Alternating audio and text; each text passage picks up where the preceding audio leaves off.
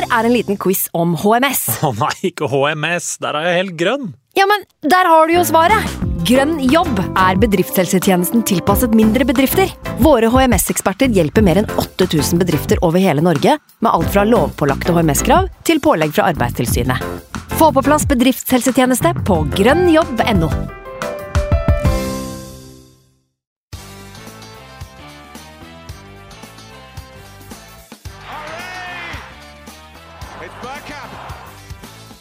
It's up for grabs now! The next station is Arsenal. Velkommen skal du være til en splitter ny episode med Arsenal Station med Magnus Johansen og meg, Simen Goffeng. Det er tøffe tider, og vi har nok alle kjent på følelsen av tomhet, kvalme, sinne og enda mer til de siste dagene. På søndag skulle det derimot snu, for da åpenbarte William seg endelig på den store scenen og satte spikeren i nedrykkskista for Big Sams eh, West Bromwich. Og med det, Magnus, så er det vel bare å glede seg til fortsettelsen og en William i hovedrollen neste sesong. Ja. Eh, Ja. Det, gledet, det gledet meg, det. Eh, og i tillegg så har jo, har jo Arsenal vært og brifa pressen eh, i kjølvannet av den Viareal-fadesen, som eh, tilsier at vi skal bruke både 1, og 2 og 3 milliarder på Kamavinga og Awar og Grealish hele pakka. Så neste sesong, da blir det nok eh, et ligatrofé å finne på Emirates Stadium, tror du ikke det? Ja, altså en, en ligatittelkamp er i hvert fall eh, det man burde kunne forvente, da, tenker jeg. Og særlig med William, som nå viser at han er på vei tilbake mot gamle høyder, så, så tenker jeg at det, det er med på å dra oss helt opp i tetsjiktet. Nei da, men eh, hvis vi skal være litt ærlige, så, så var det jo deilig med en seier. Det var det i hvert fall. Selv om den kanskje ikke betydde så mye nå på søndag etter det vi var eh, vitne til eh, noen dager i forveien, så, så smaker det vel alltids godt med en trepoenger uansett, gjør det ikke det? Eller hvordan var følelsen din inn mot den West Brom-kampen nå på søndag? Det blir litt sånn som når du får høre at du skal ha, si, eh, fårikål til middag. Eh, jeg er ikke noe glad i fårikål. Eh, og Så så det er for mye hat der ute. Ja, jeg beklager. eh, spesielt vestlandslyttere, lyttere, antar jeg, som er, hvor det er både pinnekjøtt og my, mye, mye med ull.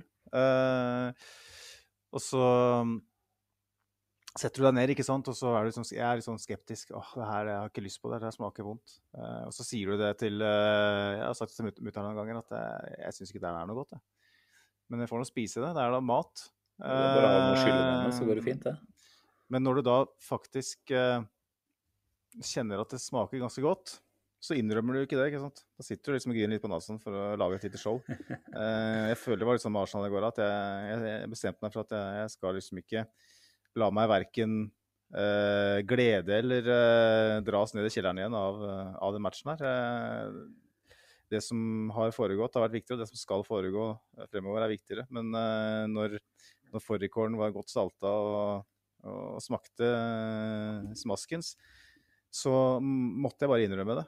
At uh, den fårikålen som ble servert på Emirates i går, den, den smakte ganske godt. Det ble ikke noe dansing på bord eller flekking av T-skjorte eller noe sånne, sånne ting. Men jeg kjente en sånn god og lun følelse i magen. At Arsenal vinner en hjemmekamp, fordi det er faen meg ikke så ofte vi gjør. Også. Altså, det i seg selv er jo fint, men jeg tenker jo at det å sende Big Sam ned i et championship, selv om han kanskje ikke blir med, da, det vet jeg ikke, men eh, første nedrykket hans, eh, faktisk, det syns jeg jo er verdt et lite, en liten borddans for, egentlig, ja da.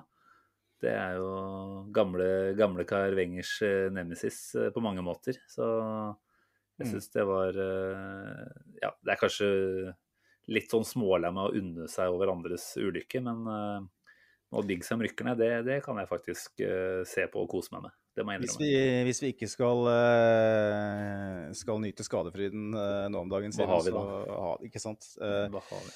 Nå har Arteta sendt både Troy Dini og Sam Allardyce ned i championship i løpet av et års tid, så da får vi være ganske stolte av det, tenker jeg. Ja, det er det, er, det er vi med på. Ja, nei da, men uh, kamp Jeg vet ikke hva vi skal prate mest om her i dag. Altså, vi kommer jo ikke utenom å snakke om uh, hva er egentlig Artetas uh, posisjon nå, etter, etter at vi røyk i Europaligaen på torsdag. da. Mye menes om spanjolen i disse dager, men det er vel kanskje rimelig å si at det virker som om de hardeste bødlene som ville ha hodet hans på et fat etter torsdagen, de har kanskje roa seg litt ned, og det begynner å demre litt at uh, mulighetene for uh, at Arteta blir uh, også neste sesong, de ser ut til å være ganske store. Enten man liker det eller ikke. vi skal ta den praten der opp og ned og i mente i løpet av den sendinga her, tenker jeg, Magnus. skal vi starte på på søndag, bare for å ta liksom kort om den kampen der, eller? Eh, mm.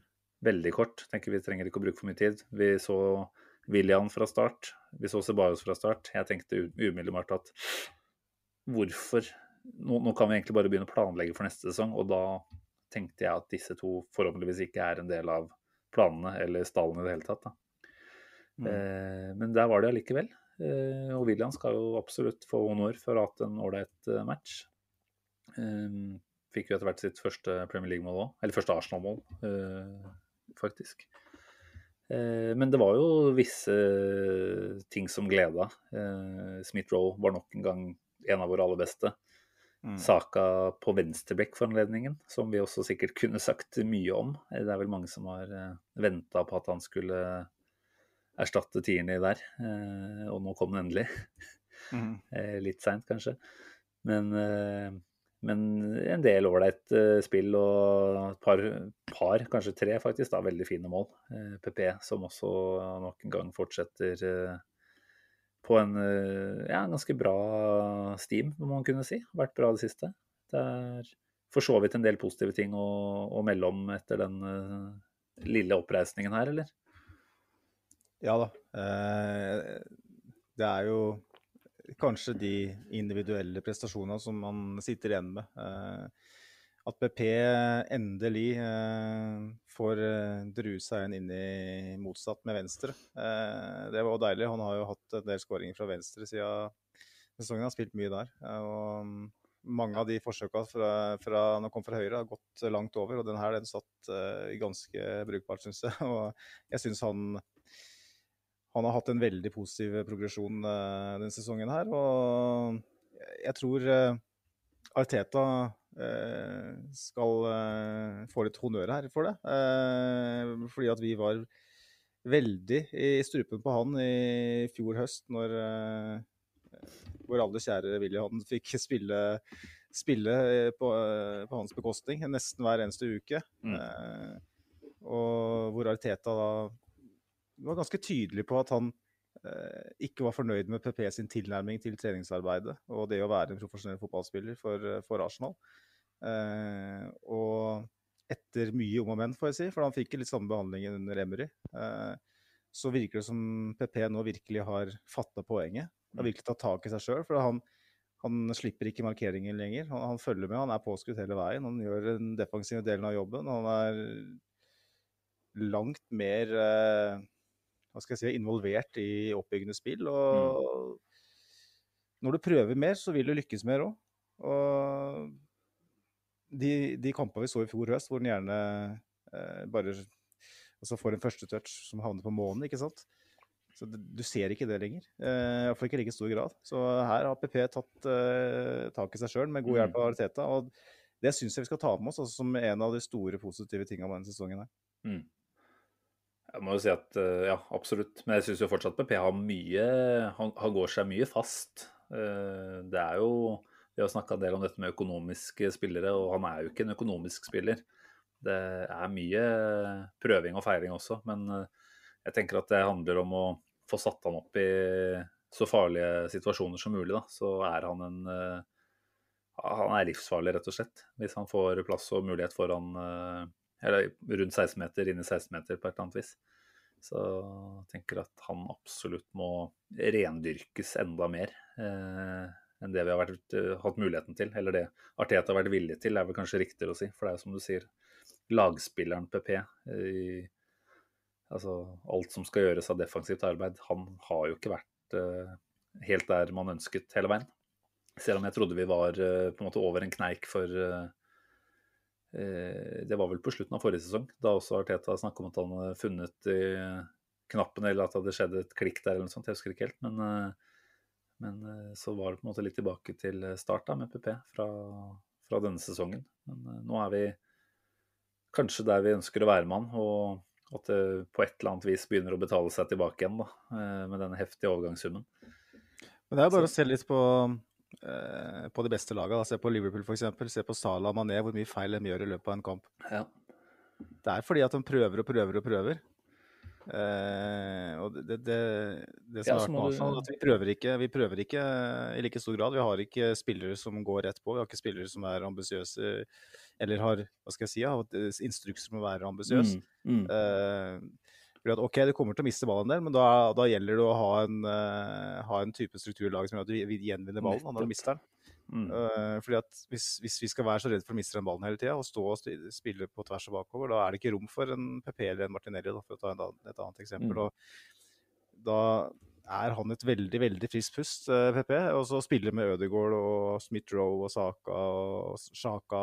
Du får jo veldig mange teknisk sikre økonomiske spillere, men hvem er det som går rett på? Hvem er det som uh, skaper ubalanse? Og det har kanskje vært det største problemet vårt denne sesongen. her, At Mm. vi har ikke vært i stand til å være skapende. Vi har ikke vært i stand til å skape ubalanse eller trykk på motstanderens uh, backrekke. Og det er, ingen som, det er ingen som tror at Arsenal kommer til å skåre uh, hvis vi slipper inn først. Eh, da er det sånn OK. eh, da trenger vi litt bingo eh, som går vår vei. At, eh, at vi har stangen. Jeg skrev på Twitter i pausa eh, forrige torsdag, når vi eh, dessverre røk mot Viareal, at det vi trenger nå i andre omgang, det er rett og slett flaks. Det er stang inn. Mm. Det er det eneste vi fordi vi kommer ikke til å klare å trykke Viareal tilbake. Eh, Nå har vi spilt tre ganger 45 mot Viareal og ikke klart det, så følte jeg meg Ja. Og det er basert på hva vi har sett tidligere i sesongen, selvfølgelig og at det, det, er ikke, det er ikke noe vi eh, er i stand til eller ønsker å gjøre, eller hva det er. Det er vanskelig å sette fingeren på det. Men det klarte vi heller ikke mot Villarreal. Eh, Et lag som Nå, nå, nå merker jeg at nå går vi over et nytt segment her, men det er jo et det, så det er en type motstander som vi absolutt bør kunne klare å, å trykke tilbake. Og da hadde vi Da gikk den bingoen feil vei, da. Det var stang ut, den uh, Auba-sjansen som han eh, da setter Mm. i stolpen eh, der. Eh, hadde den gått inn, så hadde vi hatt en helt annen samtale, sannsynligvis. Eh, men det er det Altså det er eh, for så vidt de samme problemene uansett hvordan det hadde gått. Vi, vi klarer ikke å Nei, så, nei, vi må jo, altså Kvalitet framfor kvantitet er det jo ofte man sier, men akkurat i vårt tilfelle om dagen så er det nesten litt motsatt. La oss heller eh, eh, produsere flere sjanser og bare eh, ja, rett og slett eh, bombardere litt, da. Istedenfor å skulle ha de perfekte måla. Nå var jo verken eh, noen av de Aubameyang-sjansene mot eh, Villarreal noe sånn resultat av noe perfekt spill. Det var vel heller tilfeldigheter og god kriging da, på det innlegget på andre omgangen der som, som gjorde at han kom til de. Men det var jo det var så tynt da, med produksjon at eh, da, da er man avhengig av detaljer og marginer, som du sier, og de hadde vi ikke med oss. eh, Som vi kanskje føler at det har vært gjennomgangsmelodien eh, mye av denne sesongen her. Men når alt kommer til alt, så handler det om hvor mye skapes det. Altså Eh, City vinner jo ikke 8-0 eh, hver match, de, men de skaper jo sjanser eh, i, et, eh, i et tempo og i en mengde da, som på en måte kunne ha tillatt dem å vinne med så store sifre iblant. Men, men de brenner mye, de også. Men de, de produserer. Og da får man eh, utbytte til slutt, da. Det er bare å se på Se på antall skudd på mål per match, det. Og der ligger Mm. Arsenal på tolvteplass. Og de lagene som ligger i toppen, det er de lagene som ligger i toppen på tabellen. Eh, så det er jo Det er jo ikke noe Vi, vi, ligger jo, vi er jo der vi, vi skal være. Vi har jo ikke hatt eh, Ja, vi, jeg, jeg syns vi har hatt en god del marginer imot. Uh, det syns jeg absolutt vi har hatt. Jeg mener vel at vi er, er vi på andreplass på antall uh, treff i treverket. Jeg husker Dette er bare fra huet nå. Men Det kan godt eh, hende. vi ligger i hvert fall høyt opp der, da. Så det, det er jo et uh, tegn i hvert fall på at det er mulig å hente litt mer marginer til, eh, til neste sesong, forhåpentligvis. Så er vi det laget i Premier League som vel har fått eh, flest VAR-situasjoner imot oss. Men det er klart, uh, VAR skal jo i prinsippet da være et verktøy som uh, fjerner de åpenbare feilene. Og Så får vi ta den diskusjonen en annen dag. Men det, det er klart, ja, vi har hatt mer stang ut denne sesongen her enn kanskje det som er normalt. Men vi har også satt oss sjøl i en situasjon hvor det er mulig. Det er det. Det, er, det er vippepunkter hele veien. Og det her er den fotballen vi ble kjent med egentlig under Una Emery, som vi ble så dritlei. Eh, en sånn et sånn fokus på å være konkurransedyktig, men uh, hele veien. Det er liksom det, det er det viktigste. er på en måte stay in the game. Uh, og det er aldri snakk om å, å liksom kaste kjøkkenvasken på det, som man sier i England. Uh, og jeg føler jo at, at, vi, at vi er der igjen nå, uh, og har vært det under realiteten. At det er liksom Ja, vi er kanskje ikke et lag som blir eh, daska 5-0 eh, mot topplag og sånn lenger, men eh, vi sliter jo med å, å utklasse noen som helst. Vi har nesten ingen match denne sesongen der hvor vi har vært åpenbart veldig mye bedre enn motstanderen. Og det er klart, da, da havner du midt på tabellen. Eh, Emery må vi vel kanskje bare fortsette tråden ved. Han eh, skulle jo få sin revansj, da, dessverre, mot uh, gamleklubben. Uh, det må jo svi noe inn i helsike for Arteta. Å tape i utgangspunktet, selvfølgelig, men at det, det skjer mot mannen han to- tar over jobben etter. Det, symbolikken i det kan jo nesten ikke bli noe sterkere. Uh, og det var jo ikke sånn at vi røyk ut på uflaks heller. Jeg må jo si at eh, nok en gang så var det et resultat av eh, ja, en del eh, merkelige avgjørelser fra Tetas eh, side. Både når det kom til, eh, til eh, lagoppstilling og, og inngang til kamp og, og underveisdisposisjoner. Og jeg må si at vi er real både gjennom kamp 1 og 2 så ganske komfortable ut eh, mye av tida, da. Og det er jo en ekstrem skuffelse vi sitter igjen med etter, eh, etter torsdagen. Eh, Det har vel egentlig ikke lagt seg helt ennå, for det, var så mye det sto på da, eh, på den kampen her. Altså, selvfølgelig så skulle vi også opp mot United i finalen, men alt kan skje, da. Og vi vet at Arteta har, har faktisk et OK tak på Solskjær, hvis man skal lese for mye ut av det etter så få kamper. Eh, Men etter å måte, da, ha røket skikkelig solid, selv om det bare ble 2-1 eh, i første kamp, hva, hva tenker du om det vi fikk se på torsdag nå sist? Altså denne 0-0, da. Og Mm. vi, det var én ting vi skulle, og det var å skåre et mål. Og ja, vi har et par i stolpen, men det er allikevel lite som tyda på at Arsenal hadde så veldig mange mål i seg.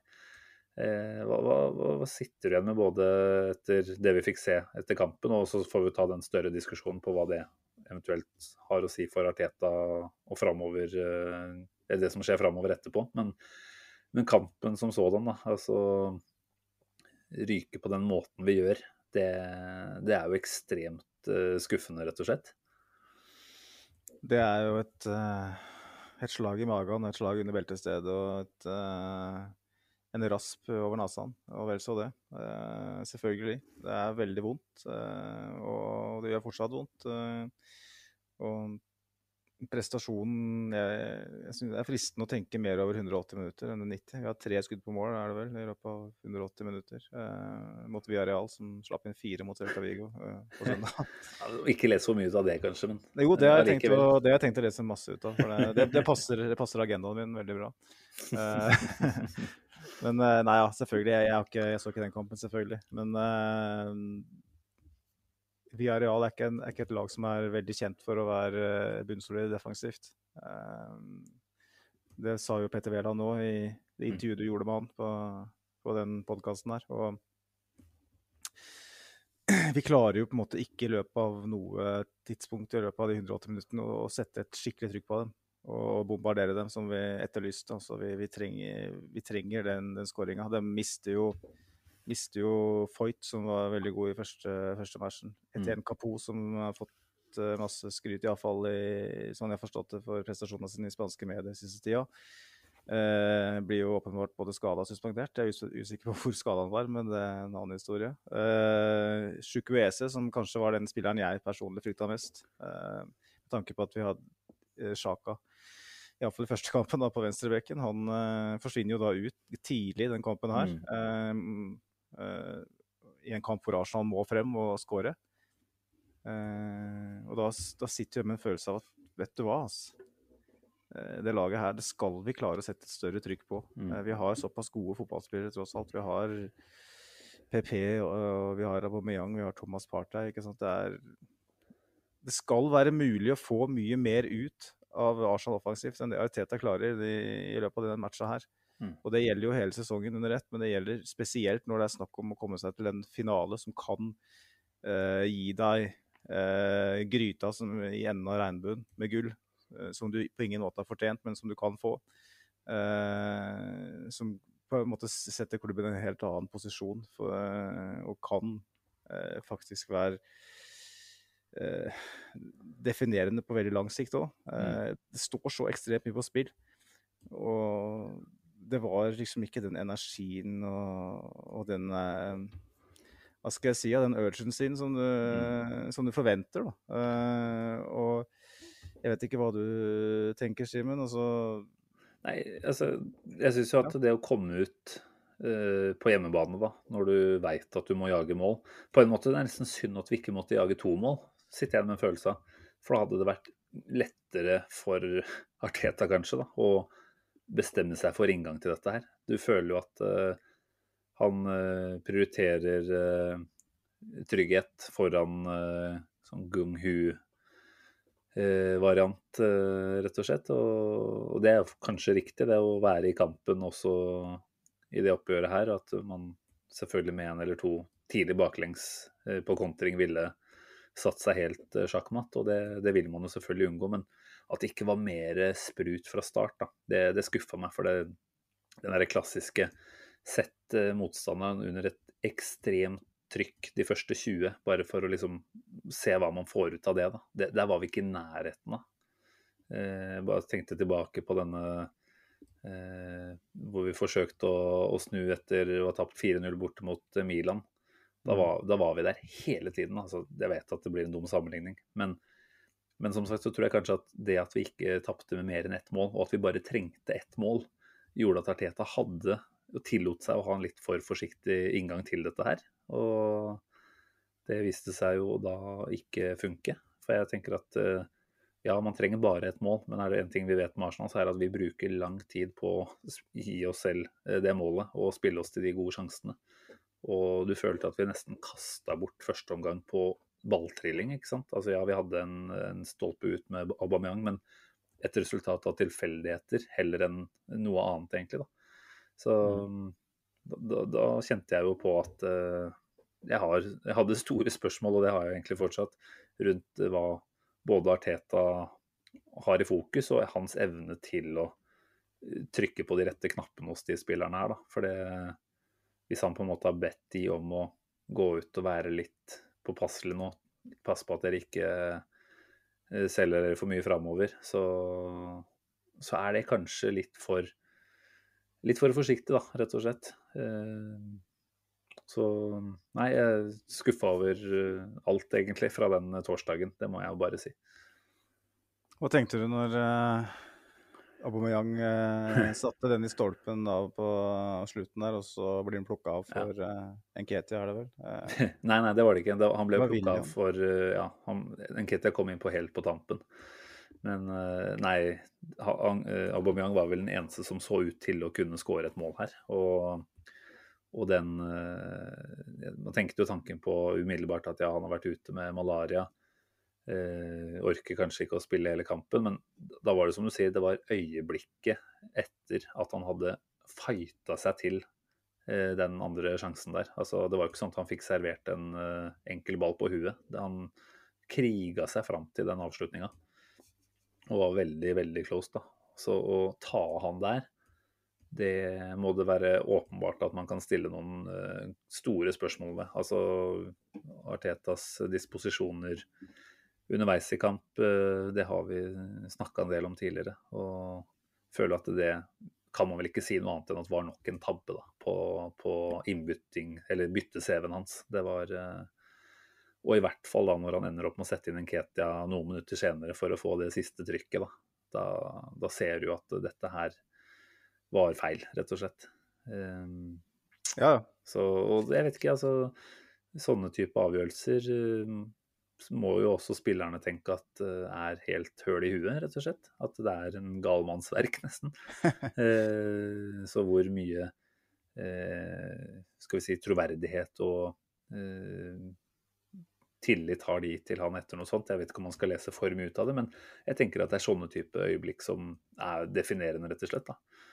Eh, så Det er litt sånn som det der eh, Benitez-øyeblikket, når alle skjønte at uh, Liverpool-karrieren er så over, når han tok ut Fernando Torres i en kamp hvor, uh, hvor, alle, uh, hvor Liverpool trengte et mål, og du så eh, Steven Gerrard og Fernando Torres så på hverandre og rista på huet. okay. Og da skjønte du at nå er Benitez ferdig. Du, det der kan jeg ikke huske, faktisk, skal være ærlig. Men det høres jo ikke bra ut heller. nei. Det var, det var heldigvis ikke like åpenbare mishagsytringer ute på banen blant de som var her nå, da. Men og- Nei da, det, det, er ikke, det, er ikke sikkert at jeg, jeg, tror, jeg, tror ikke nødvendigvis det vil på en måte være et sånt øyeblikk, men det, det, har, har potensial til å være, Mm. potensial til å være på et vis. fordi at, eh, som du sier, eh, Arteta er jo inne i ei boble der. Han har sikkert eh, bestemt seg flere minutter i forkant på at Aubameyang skal av. Og så ser han at han klarer å tidligere, og han kommer seg faktisk opp mellom to forsvarsspillere og får en uh, ball i stolpen. Og da tenker han at vet du, da, da, da stopper det det byttet. ikke sant? Mm. Da er du proaktiv, og så tenker du eh, Nei, reaktiv, reaktiv mener jeg, i stedet for å være proaktiv. Eh, som vi har kritisert mange i Arsenal for å være. Eh, men jeg tenker at da ser du at det er litt igjen på tanken, og en Aubameyang på Mm. kvart maskin i, i boksen. Når du må ha et mål, du lar ham forbanna. Fordi Mm. at hvis den ballen dropper ned til han Det kan være tilfeldig, fordi at Ja, ja.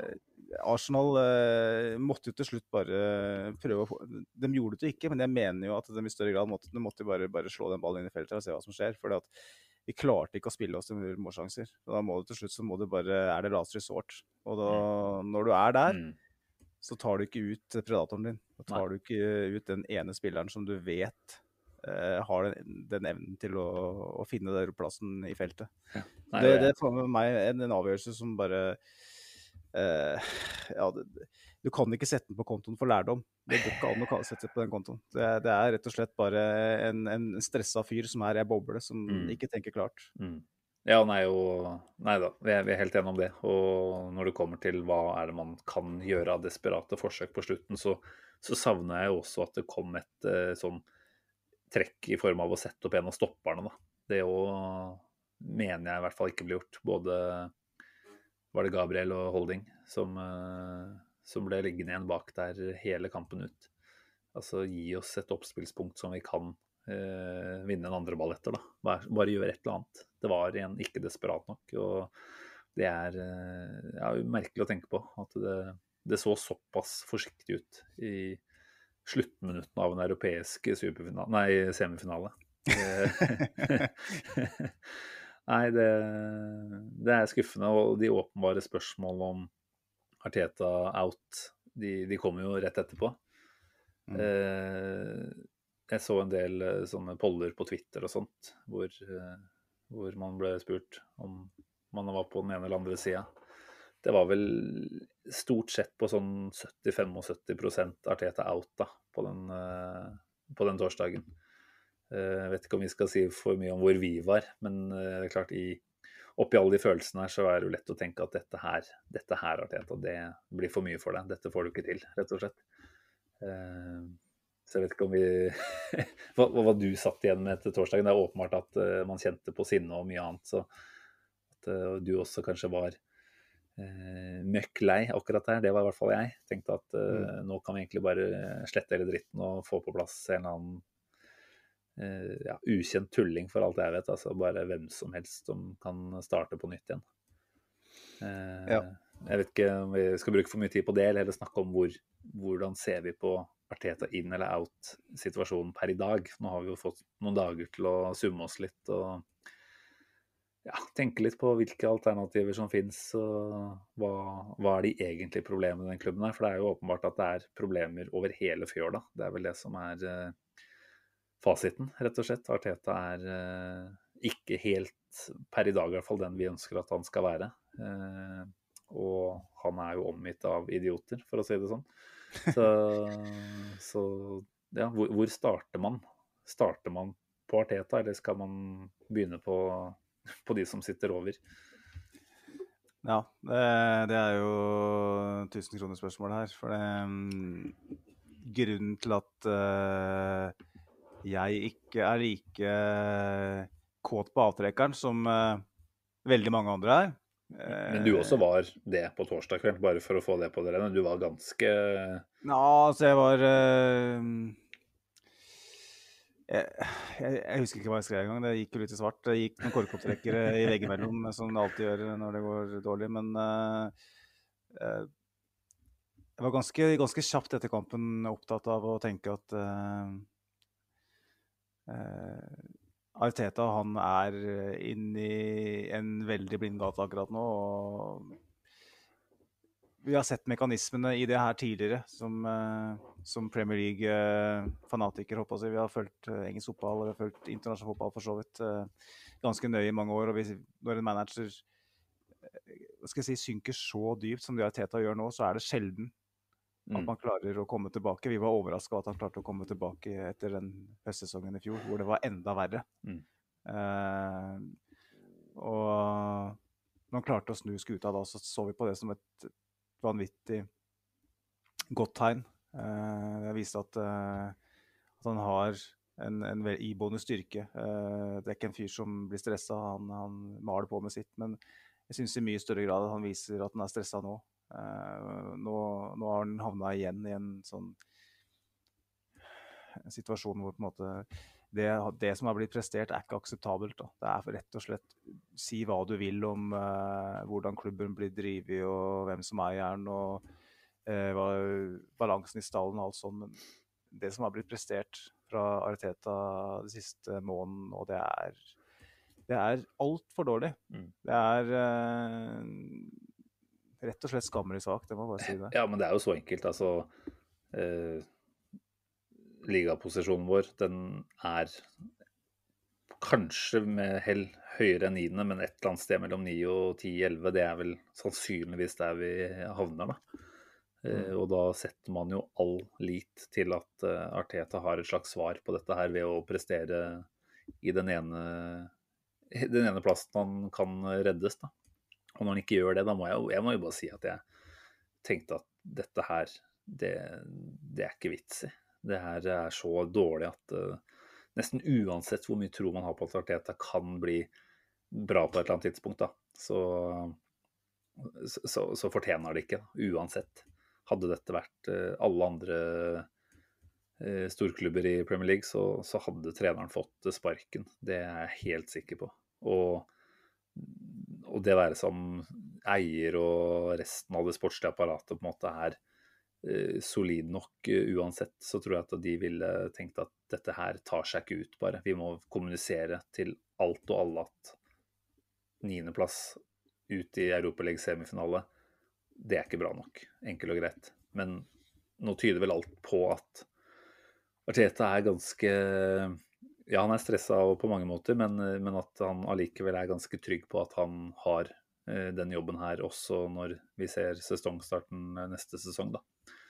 Mm. Eh, alt av eh, signaler man får, det tyder jo på det. Og så det intervjuet Arteta gjorde dagen etter Europaliga-exiten, så var han jo han, han, talte som en mann som virka ganske sikker på at han uh, fortsatt tillit, og pratet som om han fortsatt var mann til å, å, finne ut av hvordan Arsenal skal bli best mulig. Jeg må jo si at når jeg på en måte har også fått summa meg litt, uh, tenker at uh, alternativene kanskje ikke er så mange, så Og i hvert fall når vi vet at det er en uh, klubbstruktur her som består av uh, mye uh, inkompetanse, eller i hvert fall dårlig kompetente folk så, så, føles det nesten vel så skummelt å skulle sette Arteta ut i låven og få på plass en ny en. For det, det skal tas så mange store avgjørelser også etter at Arteta eventuelt hadde røket. Da. At det, mm. Det er ikke et, uh, en oppgave jeg ville gitt til noen av de andre her. Altså om det er eierne eller om det er du eller hvem det er som skulle gått ut og funnet en ny trener, så tenker jeg at det fins ingenting egentlig som tyder på at det er en jobb de ville bestått med glans. Og kandidatene er, er, eh, ja. kandidatene er også så få, da. Det kan vi jo for så vidt også komme litt tilbake til. Hvem er det som er de potensielle mulige erstatterne? Eh, uten at jeg tror vi skal gidde å bruke for mye tid på det, for det er etter alle solmerker Arteta som er her neste sesong òg. Enten vi supportere liker det eller ikke, da. Og med rette så har vi grunn til å være mistroiske i forhold til at vi har, vi har latt oss forføre av alt vi har hørt av han, og så er det dessverre veldig lite av det vi ser ut på banen som, som stemmer overens med det vi hører. Men uh, Mm.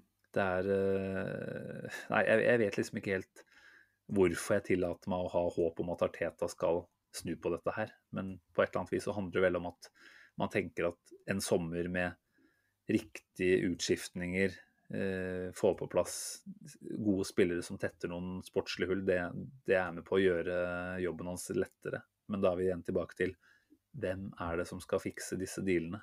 De har vi ikke tillit til. Som jeg sa tidligere, Arteta, nei, Arsenal er fullt av mennesker med kanskje litt for store oppgaver eh, på sine skuldre, da. Og at det er eh, egentlig mangler over hele, hele fjøla, sånn som vi kan si å se situasjonen per i dag. Så ja, nei, det er, eh, Jeg syns det er vanskelig, Magnus. Rett og slett. Ja, altså Du er jo inne på det. Det blir å starte i feil ende, fordi at Arteta er jo den eneste fyren i hele klubbledelsen som man har en viss tillit til, føler jeg, da. Eh, Han, han, har, han er kanskje en av få som kunne fått meg til å gå med miniskjørt og spise brunost. Eh, han har en evne til å kommunisere på som du blir troll, trollbind av det. Han er helt enorm på å kommunisere, og selv nå, syns jeg, eh, etter, etter det som skjedde på torsdag, så blir jeg fortsatt så blir jeg liksom bergtatt av det han sier. Ja? Han er veldig, veldig dyktig. Han sier de rette tinga uh, hele veien. og det er jo på en måte det, det spørsmålet vi hjelper ikke har- å si er de rette tinga hvis du bytter ut Aubameyang når du trenger en scoring i en Europaliga-semifinale. Altså, Nei, det gjør ikke det. handling foran ord. Altså, det, nei. Det er, ideen, er det ideen av det vi trodde Arteta skulle være, som gjør at vi fremdeles ikke klarer å slippe helt taket? Da? Litt sånn som hvis man har en uh, uh, Går på skolen og blir sammen med, med den fineste duskedama, holdt på å si. Uh, og så viser hun å være jævla bitch. Mm. Så tenker du at jo, men hun er jo så pen, og uh, Ariteta er jo en pen mann nå. Men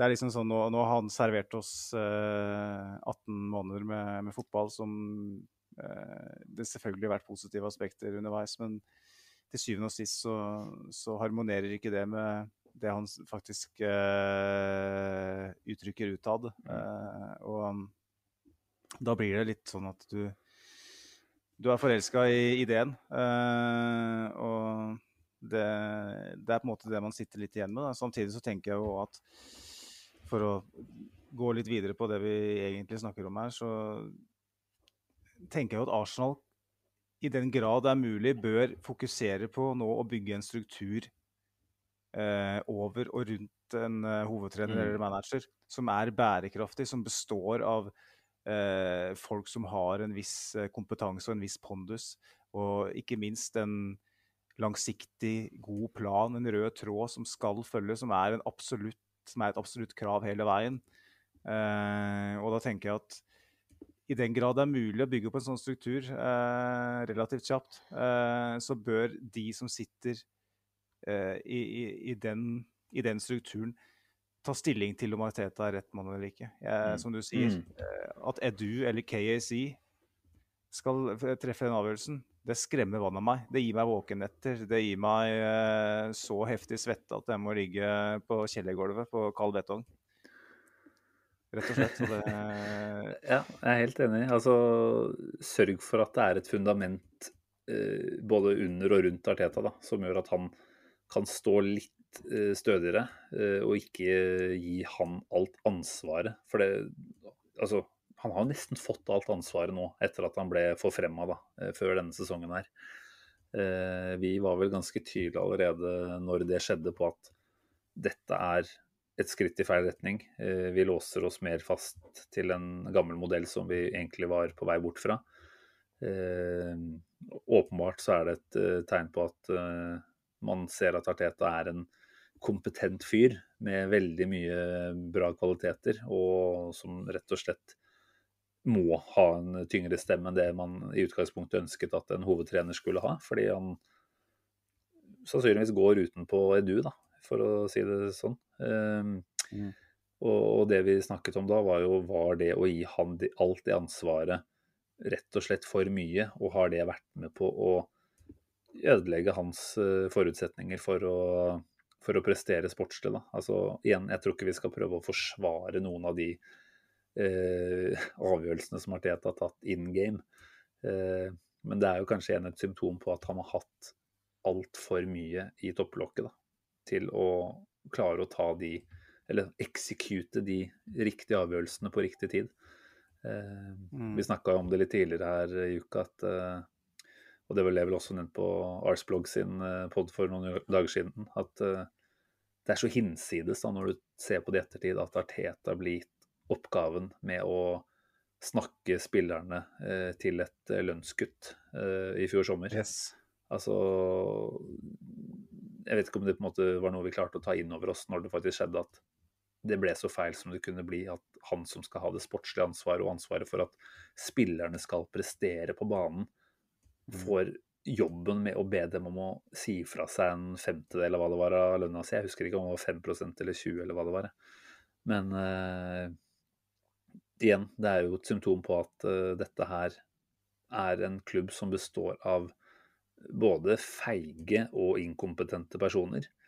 Og at uh, Arteta ikke har blitt gitt forutsetningene for å gjøre en best mulig jobb. Det tenker jeg vi kan si. Altså ja, det er masse vi kan ta han på, men uh, han gikk fra å være en av flere assistenttrenere i City, altså med 100% dedikasjon til å kun jobbe med enkeltspillere og gjøre de bedre. Da. Og det var jo på en måte det vi forventa at han kunne komme inn og gjøre nå i Arsenal òg. At skulle trykke på de riktige knappene hos enkeltspillere. Forhåpentligvis ta det et skritt videre og sette sammen eh, laget til en, eh, til en, god enhet. Men han ble gitt så mye mer ansvar enn det også. Og mm hvem er det sitt ansvar? Det er jo helt åpenbart at eh, altså, Du kan selvfølgelig si at Arteta også har et ansvar her. Kunne sagt nei, men dette her blir mer enn det jeg tenker at jeg er i stand til å bite over. Men uh, som de fleste andre i den bransjen, så er det vel en mann med et uh, stort ego og et ja, ganske godt selvbilde. Troa på at han kan få det til. Så at han ble satt i den posisjonen, der, der starta det å bli feil, da. Ja, det er riktig. Og det er jo et Arsenal som har falt veldig tilbake til uh, utgangspunktet. Uh, vi har rykka fram til start igjen, uh, rett og slett. Og vi brukte vel sikkert en ja, jeg vil si helt, helt så mye som seks, sju, åtte år under, under Wenger og snakke om at, at vi er eh, veldig lite moderne på måten den klubben er drevet på. Vi har en sånn eh, legacy guy. En, en, type som på en måte Han er en, en sjuende far i huset på alle vis. Eh, en fantastisk mann og en dyktig manager, men har altfor mye ansvar. Altfor mye makt. Eh, og det, det, er jo noe som eiere, eh, tross alt, som er, har øverste ansvaret, har tillatt over tid. Mm. Eh, ikke sant? At, eh, at Wenger da ble sittende på toppen alene uten noen som utfordra han, uten noen som avlasta han. Som jeg er helt sikker på var skadelig både for han og Arsenal. Mm. Og nå er vi her igjen. Fordi at vi har ikke noen struktur rundt, uh, rundt uh, Michael Arteta. vi er ekstremt sårbare. Det er en grunn til at veldig mange er forsiktige på avtrekkeren. For jeg mener at det Arteta presterer denne sesongen her, med tolv målløse kamper i Premier League midt på tabellen, de siste fem hjemmekampene nå foran West Bromwich, så skårer vi to mål. Og det er ikke akkurat kjempemotstand vi har hatt det er slike ting som gjør at hadde vi hatt en god struktur rundt det, så, så hadde vi sagt sorry, kom, sorry kompis, det her det holder rett og slett ikke. Jeg driter om du lærer på jobb. Det, det her det, det, holder ikke. Vi, har, vi er faktisk Arsenal. Det får være grenser for hva vi skal finne oss i. Men det er en formildende omstendighet i det, ikke sant? Fordi at du tenker at hva skal fyren gjøre, da? Han har jo blitt bare Alt ansvaret har blitt uh, skjøvet opp i fanget hans. Vær så god. Eh, fordi at det er ingen andre som gidder å ta det ansvaret. Eh, det, er, eh, det er så klassisk KSI da, som det er mulig å bli. Og nå, nå sitter vi på en måte i en situasjon hvor jeg tipper Ariteta selv og reflekterer litt rundt det, og, Mm. og sikkert eh, andre i klubben som har andre typer ansvar, som tenker at det her ble veldig feil. Eh, og da vil de da komme inn i ettertid. Eh, For sent på mange vis eh, å gjøre det. Og det, det kan ha gått så langt som at Arteta sin posisjon i klubben er såpass skada at han aldri. Kommer seg helt igjen. Mm. Uh, og det er jævla synd hvis vi har uh, kasta bort et managertalent, managertalent da, i Ariteta på Jeg- jeg igjen tror å ha vi- en enormt dårlig klubbdrift. Ja, ikke sant. Vi har kanskje kasta det bort for vår del, men det er godt mulig at han går videre til et annet sted og får akkurat det opplegget rundt seg som han uh, kanskje ikke visste at han trengte, da, men som han trenger. Uh, som gjør at han blomstrer til de høydene alle tenker at han vil nå. For vi kan jo ikke komme utenom at absolutt alle eh, har snakket opp Arteta og hyllet eh, evnene hans eh, på ulike stadier. Det har vel kanskje blitt mindre av det nå i det siste, da. Det skal man si. Men eh, det, blir jo på en måte litt for enkelt og for dumt av oss eh, å sitte her og tenke at Arteta var ikke en så bra trener som vi, som vi tenkte han var. Altså ja, oppgaven som manager er noe annet enn eh, å være en av flere trenere med alt Altså, han har jo et helt annet press på seg, rett og slett. Men, eh, men jeg tenker jo at den mannen der innehar så mye kvaliteter som gjør at eh, Arsenal skulle ha gitt han mulighet, kanskje da i større grad, til å rett og slett eh, dyrke det han var aller best på, istedenfor å gi han eh, 40-50% med drittarbeid som han egentlig ikke verken har tid til eller burde trenge å ta seg tid til.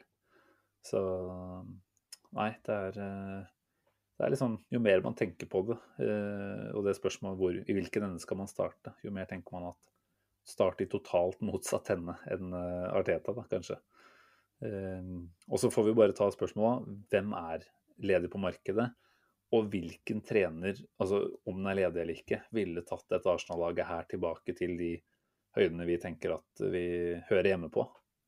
Eh, ville ville Thomas Thorsel, da, eh, bare for å bruke han siden han faktisk var ledig på et tidspunkt hvor, eh, hvor Arteta var under stort press, ville han kommet inn og kunne snudd skuta på samme måte som han har gjort med Chelsea?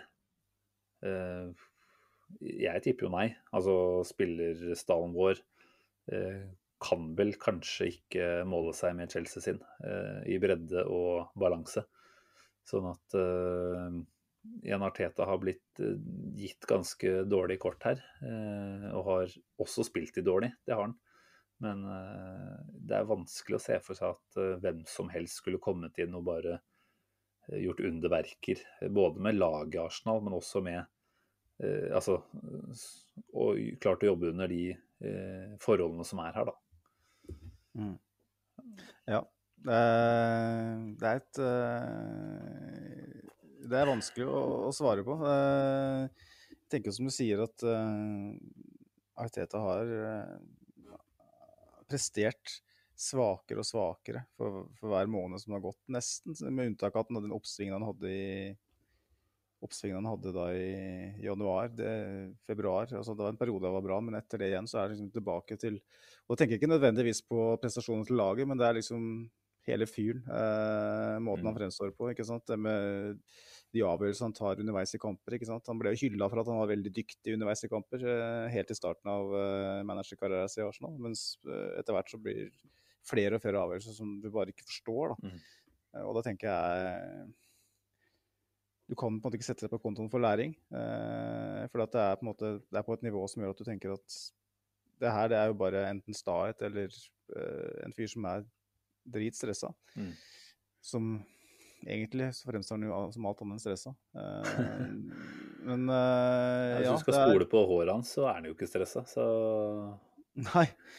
Eh, nei, jeg vet ikke. Det er eh, hvem Altså Fotball er ferskvare, ikke sant? Og Thomas Tuchel har jo hatt en enorm start i Chelsea. Samtidig så har han en type som eh, i løpet av et par år gjerne skaper veldig mye slitasje og friksjon innad i en organisasjon. Det har han vist alle steder han har vært. Eh, om han hadde passa inn i Arsenal, det, det vet jeg ikke. Men eh, Og vi vi fikk jo beskjed av en god del eh, yppersteprester i, i media om at eh, vi sov i timen når Tottenham eh, var og fiska Mourinho, for de vant jo ligaen, ligaen i november, ikke sant. Eh, så det er noe med at eh, mm. jeg tror Arsenal er veldig, det er veldig viktig at Arsenal tenker langsiktig nå, og ikke tenker at vi skal ha inn en som bare skal fikse ting på Mm.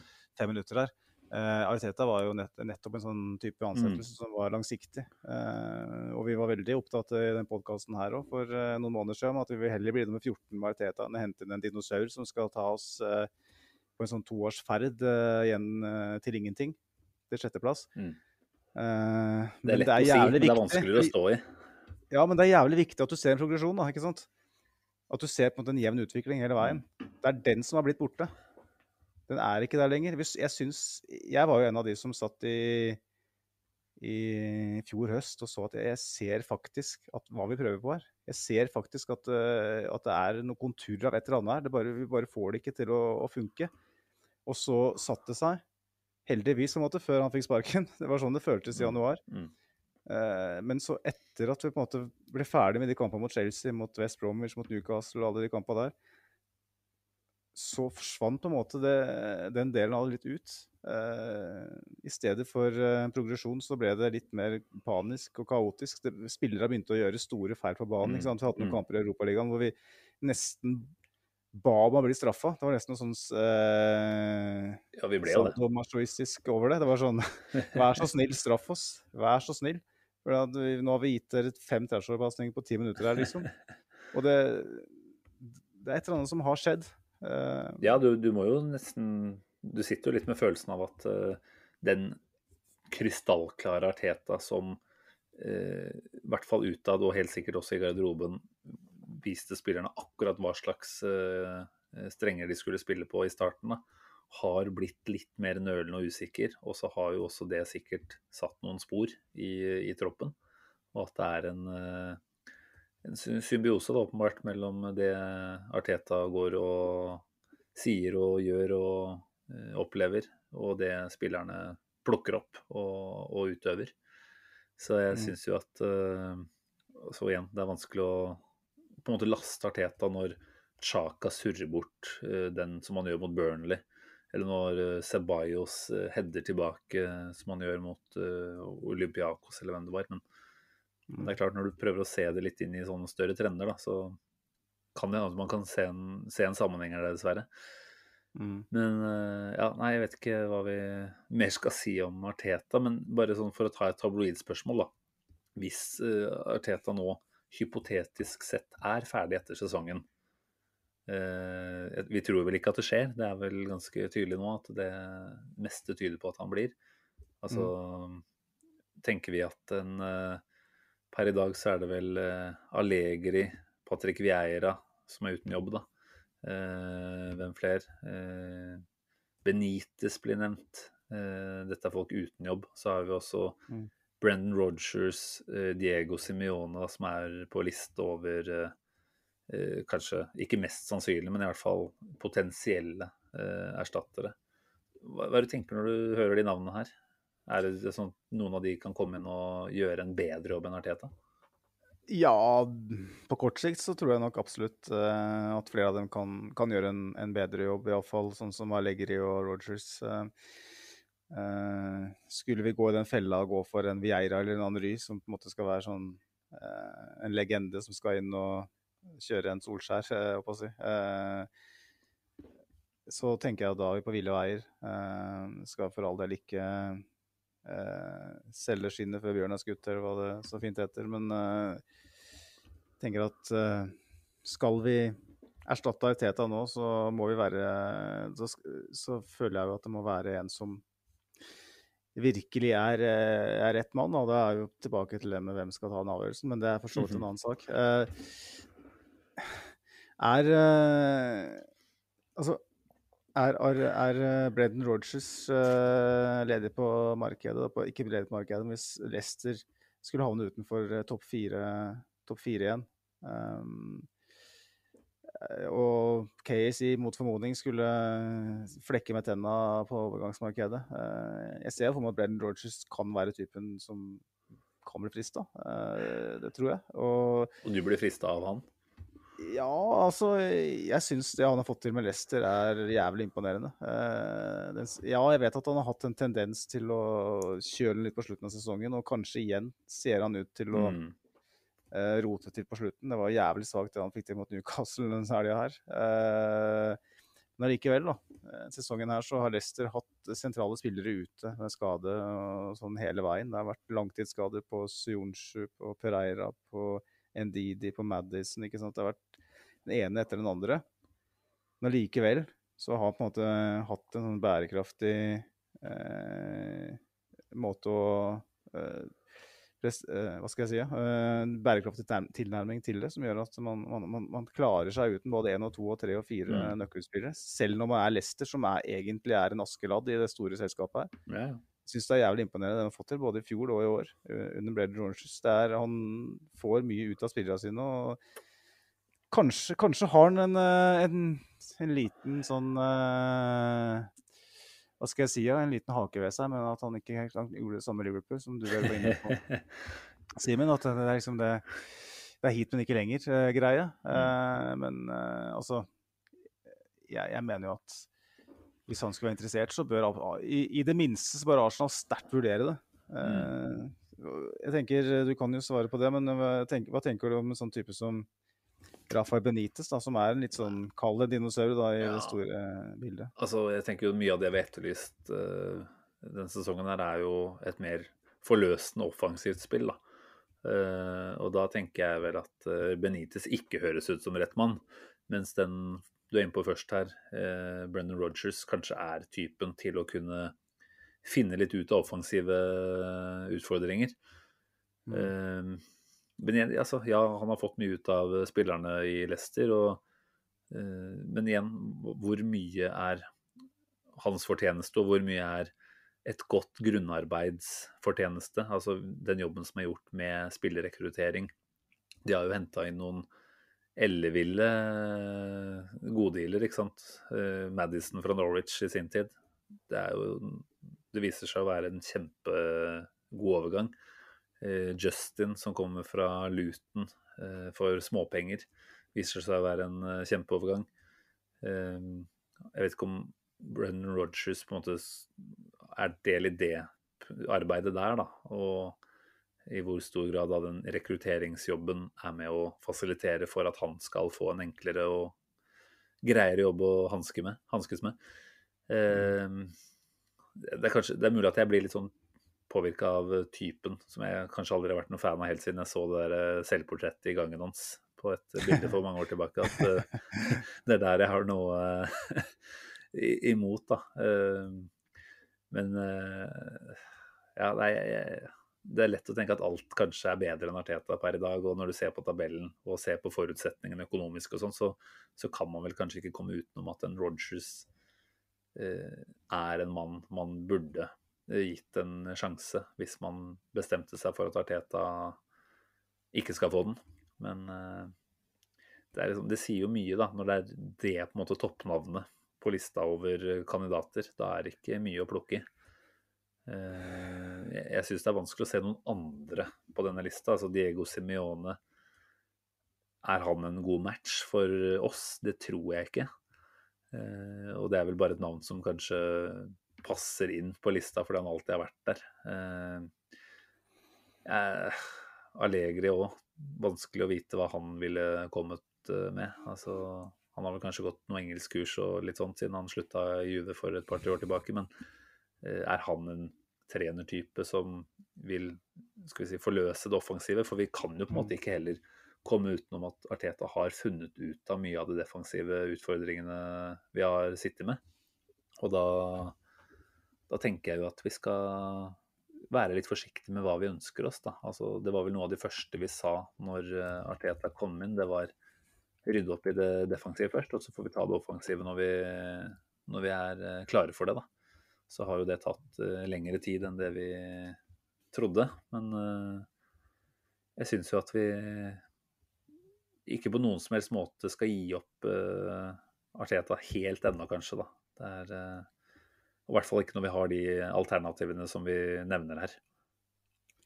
Nei, man, altså, man, gjør ikke en endring bare for å gjøre en endring. Uh, I alle fall ikke under rådende forhold. Uh, så det er som jeg er veldig klar på tidligere, at eh, dukker det opp en uh, storfisk, er det en uh, sånn åpenbar kandidat som åpenbarer seg, så bang. Da, da, er det absolutt noe man bør eh, vurdere. Altså. Ja, og hva er en storfisk, da? Altså, Zidane er jo et stort navn, og ting kan jo tyde på at han kanskje ikke er realtrener neste sesong. men er han en trener vi ser for oss at kunne tatt Arsenal til nye høyder? Det, det har jeg mine tvil om igjen.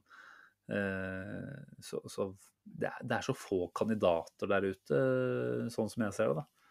Og da kommer vi kanskje tilbake til uh, enda viktigere dette med spillelogistikk. Det å hente de riktige typene, ledertypene som faktisk tar ansvar på banen.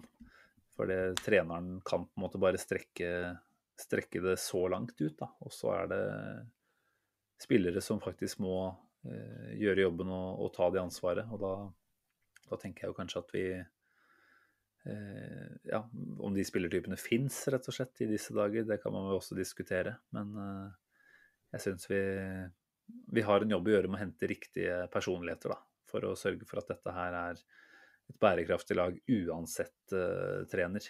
Eh, det er ikke hans ansvar ene og alene å sørge for at spillerne presterer.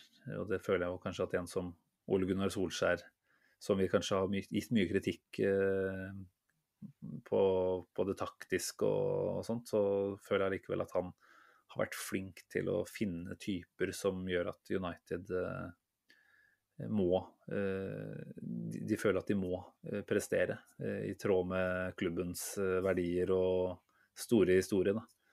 Så tenker at vel så viktig som å fokusere på trener og eierskap og alt mulig, så syns jeg også vi skal se til å få de riktige spillerne og personlighetene inn allerede i sommer helst. da.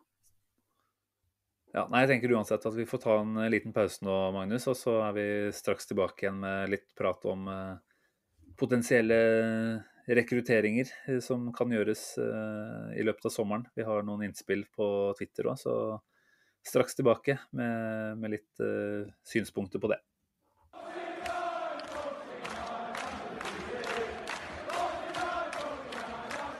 Wall Trafford 24.10.2004. Arsenal ranes på høylys dag og går glipp av muligheten for ligakamp nummer 50 på rad uten tap. I tunnelen etter kamp går det hardt for seg, og et spansk supertalent tar på seg jobben som pizzabud og serverer en feit slice i fjeset på den legendariske manageren. God pizza kan serveres på flere måter. Vi i Arsenal Station foretrekker å få den levert rykende fersk på døra fra Dominos. For hva er vel bedre enn å slå seg ned i sofaen med Arsenal-kamp og en deilig pizza med mengder av fyll og ost? Bestill din favoritt på dominos.no. Da er vi eh, back her, Simen. Og mm, vi eh, har jo fått noen eh, lytterinnspill i dag òg, selv om temperaturen har sunket noe i tråd med sesong Eh, Sesongimploderingen? Dra, dra, ja, dramaturgien i sesongen, kan du si. ja. Eh, det har vært eh, nedgang. Eh, og sånn, Det er åpenbart eh, fordi at det er Folk er drittlei eh, av å sitte og se på et Arsenal som skuffer. men vi har alltid neste sesong. Vi har jo noen naboer litt lenger nord i London som har blitt gode på det å vente på neste sesong. Eh, ikke at vi skal lære så mye av dem eh, i det hele tatt, men eh, vi, vi, har jo selvfølgelig fått høre de klassiske historiene fra media om at Arsenal skal sprenge banken og hente både den ene og den andre. det er snakk om Kamavinga og det er snakk om Jack Reelish og jeg tenker at vi kan legge lokk på det først som sist og tenke at det er usannsynlig. Men uh, vi har fått uh, som sagt noen lytterinnspill da, fra uh, en fast lytter som er flink til å bidra ellers òg, Thomas Leirdal. Eh, han skriver at eh, at vi trenger eh, to eh, nye midtbanespillere. Han setter eh, Bizuma og Sander Berge i parentes. Back, backup på Mm. venstre bekk, ny høyre bekk, ny offensiv midtbanespiller. Buendia eller Rødegård. Eventuelt ny keeper om Leno skulle forsvinne. Og så skriver han også at vi må kvitte oss med Beirin, Maitland Niles, Willoch, Enketia, William og sikkert flere. Det blir sikkert en uh, stor uh, ryddejobb. Uh, Det høres ut som Fifa eller FM, dette her. men Det er kanskje en sånn tilnærming vi må, må ha. Eh, hvis Arteta er inne på nå i det siste han sier, at den stallen her den trenger en totalrenovering, for så vidt. Han sier det sånn indirekte. Mens, mens Chris Sweetley, som eh, Jeg er usikker på hvem han jobber for nå, men han er jo en Football eh, eh, London er han vel i i dag. Stemmer, ja. Og han, han sier jo at, at dette blir kanskje den største stallrenoveringen på flere tiår i Arsenal. Ja takk. Ja takk, helt jo. klart. Altså, ja. Men hva tenker du eh, altså, Hvor plausibelt er det, Simen? Altså, hvor, hvor, hvor, hvor enkelt er det å få til? Det er lett å si det nå, men Mm. eh, hvor lett er det å få til noe sånt? Nå får vi jo Richard Garlick inn etter hvert òg, eh, som skal være litt sånn kontraktsguru, vel. Eh, det kan i hvert fall være lovende med tanke på å eh, få unnagjort en del av disse her. Eh, jeg tenker jo at Vi har vært innom mange av de spillerne her tidligere og tenker at eh, det er helt åpenbart mange av de navnene her som bør eh, være mulig å få solgt. Så er spørsmålet om vi får de summene vi ønsker. Eh, men du har jo altså spillere som Maitland Niles, Willoch, Nketia eh, Ja. Det er vel også en del andre som på en måte nesten ikke har hatt en rolle å spille da, i, i løpet av sesongen, og som sånn sett ikke kommer til å bli savna. Altså, de kommer til å bli savna på den homeground-kvoten, men eh, utover det så tror jeg på en måte at det er spillere vi veldig greit tåler å miste, og som vil gi gode penger inn. Eh, så ja, om vi på en måte kan sitte og se at åtte-ti spillere stikker, og vi får på plass en fire, fem, seks nye, det, det er vel kanskje urealistisk å tro at det er kapasitet fra Edu og denne herr Garlix hold da, til å få, få på plass så mange dealer. Jeg vet ikke hvor godt det er i gang. Det er jo Kanskje du håper på det, at det faktisk allerede ligger noen uh, halvveisavtaler litt sånn på blokka, da, som det bare er å få gå på fra Cronky. Det var jo snakk om, som du var inne på tidligere, at uh, 200 millioner pund vil gjøres eh, tilgjengelig, og at det er snakk om at eh, tre storsigneringer vil kunne gjøres uavhengig av salg, rett og slett. Eh, og Arteta sa jo også noe om at han vet og venter på at det blir en, eh, en backing økonomisk fra eierne, da. Så, så er det klart det er lett å få opp håpet på mye her. Og så er det jo et spørsmål om er Arsenal sin status per i dag der at vi kan få på plass en del av de storfiskene vi gjerne drømmer om. Altså Kamavinga som du er inne på, det så jeg jo Det var vel i dag at det ryktet begynte å sette fart på Twitter. Det var vel en eh, fransk journalist, eh, Letten Sport, eller hva Le Deux eh, Sport, Ja. ja. eh, som eh, skrev det, og hvor eh, hvor realistisk det var, det vet vi vel ikke ennå svaret på, da. Eh, Syns det blir merkelig om en som han Altså da, da må vi jo selge inn en kjempepakke på lønn og på en totalsatsing som eh, Ja. Jeg klarer liksom ikke helt å tro at Cronkis eh, stiller opp med det her, da. Så jeg velger å ha lave forventninger på han, men Bizoma, da, som eh, Thomas eh, Leirdal er inne på, det er jo en spiller vi, vi har snakka om og veldig gjerne tenker at kunne tatt turen til, eh, til London. Eh, En midtbane bestående av han og Partey, det, det lukter jo krutt da, tenker jeg. Så kanskje litt mer lunken til en Berge eh, per nå, selv om det selvfølgelig ville vært kult med en nordmann i, i Arsenal. Så tror jeg kanskje ikke han nødvendigvis er den som skulle kommet inn og gitt oss Eller vært en forsterkning på midten, da. Men Nei, jeg tenker at det er ekstreme mengder man kan gjøre her. Eh, backup på venstreback. Vi har Cedric. Får vi solgt han? Sannsynligvis ikke. Da har vi egentlig en backup der som ja, han er ikke god. Eh, og, og, ja, hvis Tini skal fortsette å være så mye skada som han er, så, så, holder det jo kanskje ikke, da. Men uh, hva er mest prekært? Det er en sentral midtbane. Det er en Kanskje en stopper? Jeg veit ikke. Hva Hvor skal vi starte, Magnus? Jeg vet ikke om vi skal ta hele den diskusjonen, er... for da blir det en time til. Men uh, det er helt åpenbart at vi trenger legs på midtbanen. Vi trenger bein på midtbanen, rett og slett. Friske, raske, hypp, eh, eh, bein med høy frekvens. Spillere som kan eh, gjøre at vi gjenvinner ballen høyere i banen. Eh, som kan dekke de rommene som vi ikke klarer nå. Eh, så det ikke blir så mye eh, bakover og på tvers for å være trygg, for å være økonomisk. Bizoma er det jeg har sett av han i Brighton de siste par åra, gjør at jeg tenker at han absolutt kan være en, en, en spiller for, for Arsenal. Ikke en som skal styre eller diktere, men, men som skal tillate andre å gjøre det. Mm. Frigjøre Thomas Partey? Ja, rett og slett. Mm. Og det har vært såpass mye skriverier om han eh, og såpass mange kilder som meldte at eh, det er åpenbart at det er en interesse der. Men så er jo Liverpool eh, blant andre nevnt der, så hvor lett det blir, eh, det vet jeg ikke. Eh, når det gjelder han Kamavinga, da, så syns jeg det er verdt å nevne at Le, le deux spot, det er min gode fransk, eh, åpenbarer seg for alle lyttere her. Disse er vel kanskje tiende, tenker på.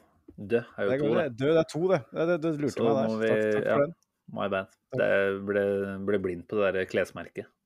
Skal vi, skal, vi, skal vi, kutte ut det her, uh, uansett, da. Så dem uh, var jo ganske tidlig på PP-dealen uh, og på Gabriel-dealen, hvis jeg ikke husker feil. Iallfall på PP, eh, hvor, hvor det engelsk presse var veldig tydelig på at nei, det stemmer ikke. Det stemmer ikke. Til og med David Ornstein var jo frempå og sa at, at det bare var piss. Mm. At Arsenal var ute etter PP. Og så gikk det et par uker, og så var han Arsenal-spiller. Uh, og det er klart, han er 18 år. Eh, de klubbene som eh, eventuelt er alternativet for det er kanskje vanskelig å se for seg han skal gå rett inn og spille. For at en mm. av, en av uh, kriteriene for at han skal gå uh, til sommeren, er jo at han går til en klubb hvor det Eh, hvor han får spille fast, eh, bortimot. Mm. For at han har gjort det i Frankrike og er, er et etter sigende et helt spesielt talent. Da. Og det er en sånn type Dortmund-spiller, Dortmund føler jeg. da. En som går til Dortmund og får spille der, og så kommer på en måte neste steg etter det. Mm. Og hvis Arsenal kan bli et, Dort, et, type Dortmund, så er det kanskje det beste vi kan håpe på per nå. ikke sant? Og jeg bare klarer ikke Det er jeg tenker jo at det, hvis vi har penger til det, så tenker jeg at det er jo ikke helt usannsynlig at han kan, eh, at han kan være interessert i det. Han, er, han er fransk, ikke sant. Problemet er at hvem har tillit til organisasjonen i Arsenal per nå? Hvordan skal Arsenal klare å selge til han at uh, det her altså, Han spiller sikkert med Gendosi på aldersbestemt landslag. Nei, han er på eh, A-landslaget allerede, tror jeg. Ja, men han har sikkert vært i ja, Jeg vil tro at de har vært uh, Ja, ja, det er nok sant. Gendose, kanskje, kanskje kjenner de hverandre. Kanskje kjenner han Saliba, ikke sant, og, for alt jeg vet. Uh, Blir prata vekk fra dette her. Ja. Uh, hvem er det som Altså, Sivi har vært Dortmund, da. Så hvor på en måte de kan skilte med den historikken de har. Uh, til tross for at de ikke er den største klubben. og det med mest penger, så vet du at hvis du kommer til Dortmund, så vil du på en måte få den uh, progresjonen i karrieren mm. som gjør at du kan ta steget til Real Madrid eller Manchester United. Uh, mens uh, Arsenal, til tross for at vi var det en gang i tida under Arsenal Wenger, kan ikke sies Også, på den tida hvor vi var den klubben, så var vel, var vel han Kamavinga knapt nok født. han var født i 2002, etter at vi vant til dobbel i 2002. Så den, det trekkplasteret når det gjelder å utvikle unge franske spillere, det skal mye til at, mm. at det er, er, en faktor, da. Men uh, altså Det er jo en sånn type signering Arsenal absolutt bør gjøre. Får vi mm. muligheten til det, mm. så er det bare å kjøre på. fordi at vi uh, fra et businessperspektiv tenker at skal vi få Han har vel ett år igjen av kontrakta si. Får vi for uh, 50 millioner euro, så eh, og han er så god som folk mener, så Dobler vi jo det.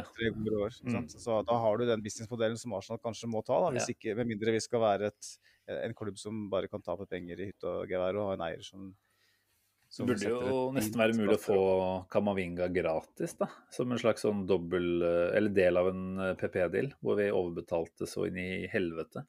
Så, så skylder jo egentlig Nei, unnskyld, han er i renn, det er ikke Lill. Han er i renn, ja. Da, da funker det dårlig å be om uh, rabatt pga. PP der. Det blir ikke noe barneskirenn, det, å få han inn til Arsenal. Så Jo, Sorry. du, du ga meg nå litt grann håp her, da. Eh, for, jeg, for jeg tenkte jo at eh, når jeg så det ryktet tidligere i dag, nei, det, det høres ut som noen som har sausa sammen eh, Arsenals eh, French Connection fra tidligere og tenkte at her er det. Og så så jeg det var et bilde til og med da, hvor han sitter på rommet sitt og har, har en slags sånn poster fra renn Arsenal-kampen for eh, et par år tilbake i Europaligaen. Eh, og tenkte at da, da har vi på en måte argumentet her for at han kommer seg til eh, Nord-London. Det er at han er Arsenal-fan. Men eh, jeg føler dessverre ikke at det står sterkt nok og veier tungt nok til å eh, ja, lokke han. da. Eh, har han tillit til at Arsenal er riktig sted for hans utvikling?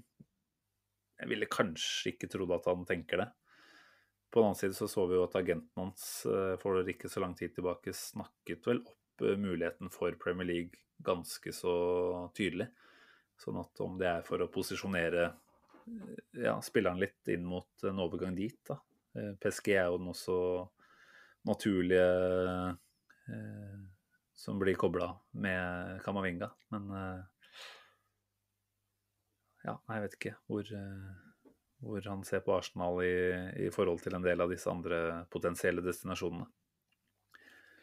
Vi, vi kan jo igjen sikkert komme mer tilbake til alt som heter spilleroverganger, og liksom ta for oss mer eh, enkeltspillerne eh, som vi blir kobla til litt mer framover nå som det blir mindre og mindre fotball å snakke om.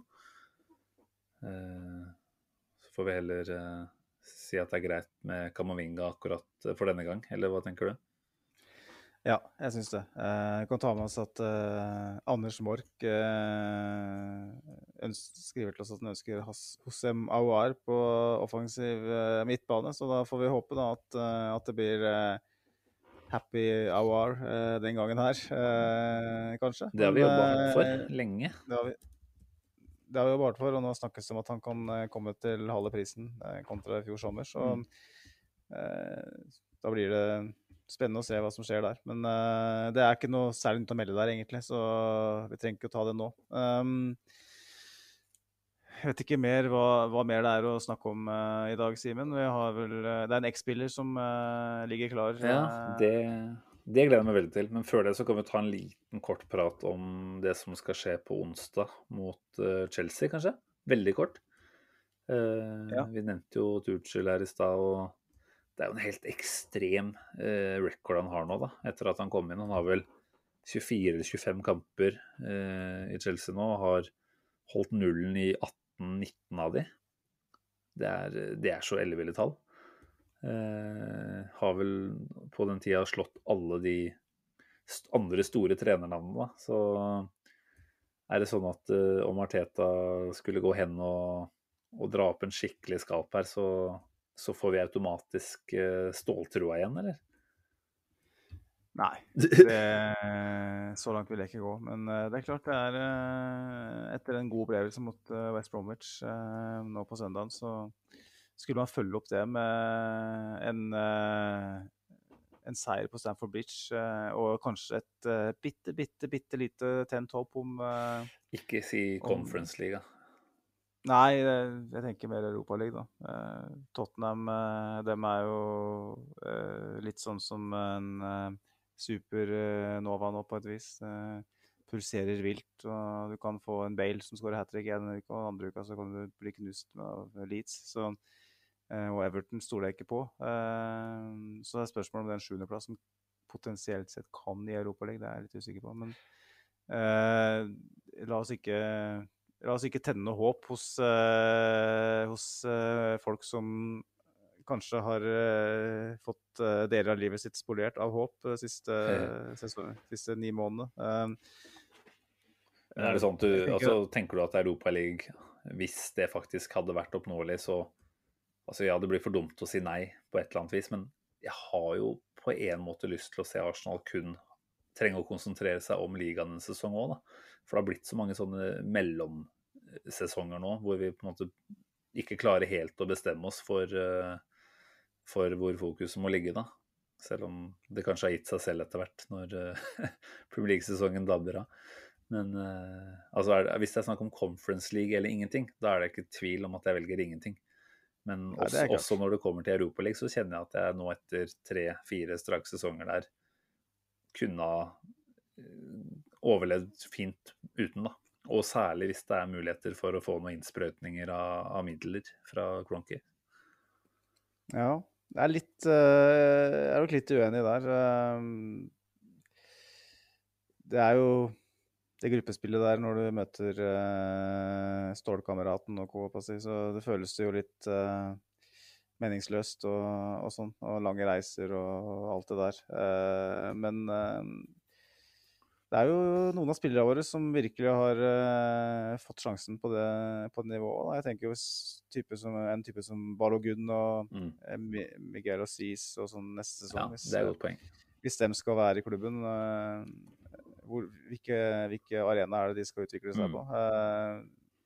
da vil jo samtlige Premier League-kamper være kjempeviktig, for det vil jo da være på en måte et, et argument da, for å kjøre knallhardt på Premier League, Mm. hvis du ikke da har verken Europaligaen eller Champions League eller noe som helst. Eh, og da, da kjører du Det er ikke plass, hver uke rett og slett. Ja. Og da er det, hvis du da ikke kommer langt i ligacupen og FA-cupen, og FA-cupen starter jo ikke før i januar, ikke sant. Mm. Og, og, da, og det, innen den tid så er ligacupen allerede i ferd med å bli ferdigspilt. Så jeg, jeg, jeg, jeg er der at uh, jeg er nesten desperat uh, etter å få Europaligaen hvis, det er- hvis det er mulig. Fordi vi trenger de kampene som en utviklingsarena, uh, selv om jeg ser argumentet. Det er klart, penge, Pengespørsmålet der er jo en stor greie. Vi, vi kan jo fnyse av eh, det i forhold til Champions League, men vi er så langt unna Champions League eh, at, som det er mulig å, å Mm. bli i vår tid som Arsenal-supportere. Og de penga vi får gjennom Europaligaen, eh, spesielt nå hvor vi er blør økonomisk, det er penger vi trenger. og som du sier, kanskje, kanskje spytter Eira inn. Da. Jeg, jeg vil ikke stole på noe av det de sier, men uh, i så fall så kan det jo være et argument da, for at uh, hvis de tar en litt sånn Chelsea-tilnærming, ikke Mm. sant, eh, eh, og bare kjører tre-fire store spillere inn og full fokus på Premier League og satser på å komme høyest mulig, så hvem vet. Ja, men nei, nei, jeg jeg, jeg, vil- ikke På et eller annet vis så føles det som at vi trenger altså samling i det- Vi er jo egentlig der allerede, føles det litt ut som. Men det blir en sånn skikkelig eh, definert bunnpunkt, bunnpunkt hvis man nå på en måte ikke har noe Europa å forholde seg til. Da. Eh, Jeg at det har vært liksom en sånn halmstrå-tankegang der nå eh, lenge om at eh, vi er ikke helt ute av det. Men hvis vi nå faktisk ikke har noe Europa, så er vi på sett og vis en parentes, da. I hvert fall i europeisk fotball den neste sesongen. Det er, vi, vi kommer ikke til å være der. Eh, bare for at kanskje det hadde gitt Vi har snakka mye om dette med kultur og eh, hva slags eh, klubb vi på en måte har tillatt oss å drifte til å bli. Da. Og nå føler jeg at vi har drifta så lenge at vi trenger å bare treffe bunnen skikkelig. Da. Så skjønner jeg at det er famous last words å si at niendeplass og ikke noe Europa er bunnen. Det kan jo gå enda lenger ned eh, til neste sesong, men jeg føler at Og det, det er kanskje en sånn litt sånn vanskelig forklarlig følelse, men det føles ryddig på et eller annet vis. Da, å bare si OK, vi er ikke der. Deal with it. Og så må vi finne ut av det derfra. Eh, at det er, eh, det er tida for å nå kun ha fokus på Premier League. Og da er det kun en topp fire-plassering som gjelder, da. Det er ikke noe annet som vil være mulig å sikte mot. Men, eh, men jeg skjønner at det også høres litt eh, dumt og naivt ut å si at nei, vi trenger ikke de hva det er, 30-40-50 millioner pundene og muligheter for Champions League gjennom Europaligaen og utviklingsarenaen, ikke minst. da. Så Vi får se. Jeg tror ikke det blir noe europaliga til neste år. Så enkelt er det vel. Nei, jeg tror ikke jeg heller, dessverre. Men uh, det er jo den uh, kampen mot Chelsea da, som er nøkkelen her for eventuelt tenne et håp. Vinner vi der, så har vi Brighton og Palace i to siste. Mm. og da, klart, da, da kan alt, alt, skje sånn poengfangsmessig. Men at vi skal vinne fire-fem kamper på rad, blir det da i ligaen? det har ikke skjedd på lenge. Det, nei, så vi får, vi får håpe at uh, Chelsea tenker uh, litt Champions League-finale. De har jo en topp fire-plassering å tenke Mm, på, det. Man. Det har det. Uh, så jeg, jeg, er redd vi, redd vi får på pukkelen der og blir sendt nordover igjen med litt Ja. minuspoeng, jeg på å si. Ikke minuspoeng, men Ikke for mye minus, poeng i bagasjen. ikke for mye minus i målprotokollen, i hvert fall. For det, altså, jeg føler at nå har vi på en måte kanskje landa litt igjen på dette med Arteta, at OK, det er ikke bra, men kanskje det er det vi må satse på. da, Men altså si at vi i verste fall skulle fått en sånn skikkelig nesestyver, da. Det er jo ikke noe som ut ifra Artetas karriere tyder på det, at man går på en sånn ordentlig blemme og taper 5-6-0. Men si at man skulle fått noe sånt nå, da. Hvordan tror du vi som klubb og supporterskar hadde tålt det? Eh, eller ville det kanskje ikke hatt så stor betydning? Det kommer litt an på prestasjonen, selvfølgelig. Hvis man på en måte slipper inn på hvert skudd, så er det en ting. Men hvis man på en måte bare blir fullstendig rævkjørt i 90 minutter og taper fortjent med fire-fem mål, så da vil jo, da vil jo på en måte eh, det åpenbare eh, Hva skal jeg si Måten å presentere det på er jo at, at i desember så slo vi Chelsea med, med Frank Lampard på, etter rundspilt på Emirates. Eh, de tok et valg eh, med å sparke Lampard og sette ned Tuchel og er i Champions League-finalen. Hvis vi da i tillegg skulle bli fillerist av dem på Stamford Bridge, så klart da Da er på en måte eh, agendaen satt da, fra, fra alle hold. Ja, og skulle vi få en sånn type eh, i fleisen, da, da er det jo også lett å komme med spørsmål igjen. Spiller disse spillerne for treneren sin? Eh, noe jeg kanskje egentlig opplevde at eh, de gjør, da, ved å prestere såpass OK som de gjorde nå mot West Bromwich. Men igjen, det var West Bromwich, så vanskelig å vite helt hvor mye man skal eh, ta og lære ut fra det. Men eh, det er klart eh, det er noen små hviskinger og tiskinger om at det er noe misfornøyde spillere, da. uten at det har vært noe mer enn Det har vel vært veldig løse rykter man har lest litt rundt. Og det skulle kanskje bare mangle at det er noe misnøye når sesongen går som den gjør. Eh, men jeg håper i hvert fall at vi på en måte får se spillere som, som legger ned en innsats her og tenker at de skal i hvert fall spille for eh, heder og ære, og forhåpentligvis for treneren sin. Så er i hvert fall det et uh, fundament å bygge litt videre på til neste sesong. For det er klart, mister han uh, gløden hos spillerne nå på slutten, da tror jeg det er vanskelig å dra de i gang igjen til, uh, til august, altså. Så Da må det jo være den renoveringen av stallen i så fall. Som, eh, Ja, da blir den svær. Måte, rett og slett hele, ja, hele organisasjonen er, eh, utenom spillergruppa, er veldig klare over at, eh, at, nå, at problemet sitter i, i garderoben. Mm.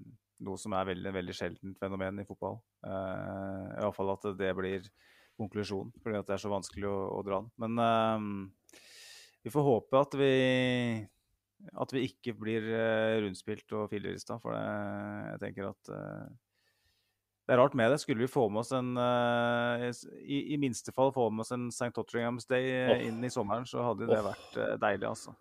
Fire poeng unna. De er Tottenham er såpass ustabile nå at der er det mulig, også, hvis vi vinner resten. Hva er det de har igjen, da? Har du noe formening der, eller?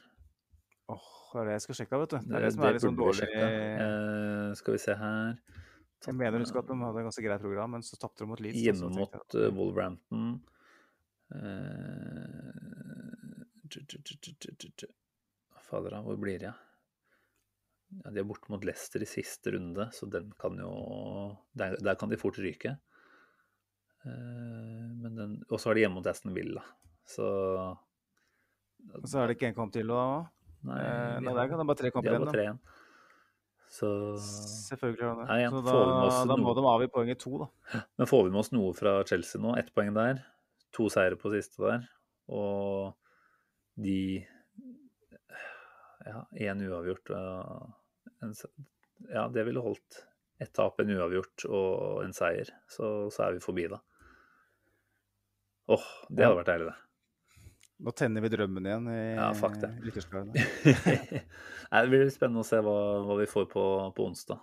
Jeg håper jo at uh, Aubameyang nå Han var jo, ble jo spart hele kampen nå sist. Så at det betyr at han er oppe og går igjen der. Ødegaard det samme. Partei det samme, kanskje. Så burde det være muligheter for å stille ganske slagkraftig, i hvert fall.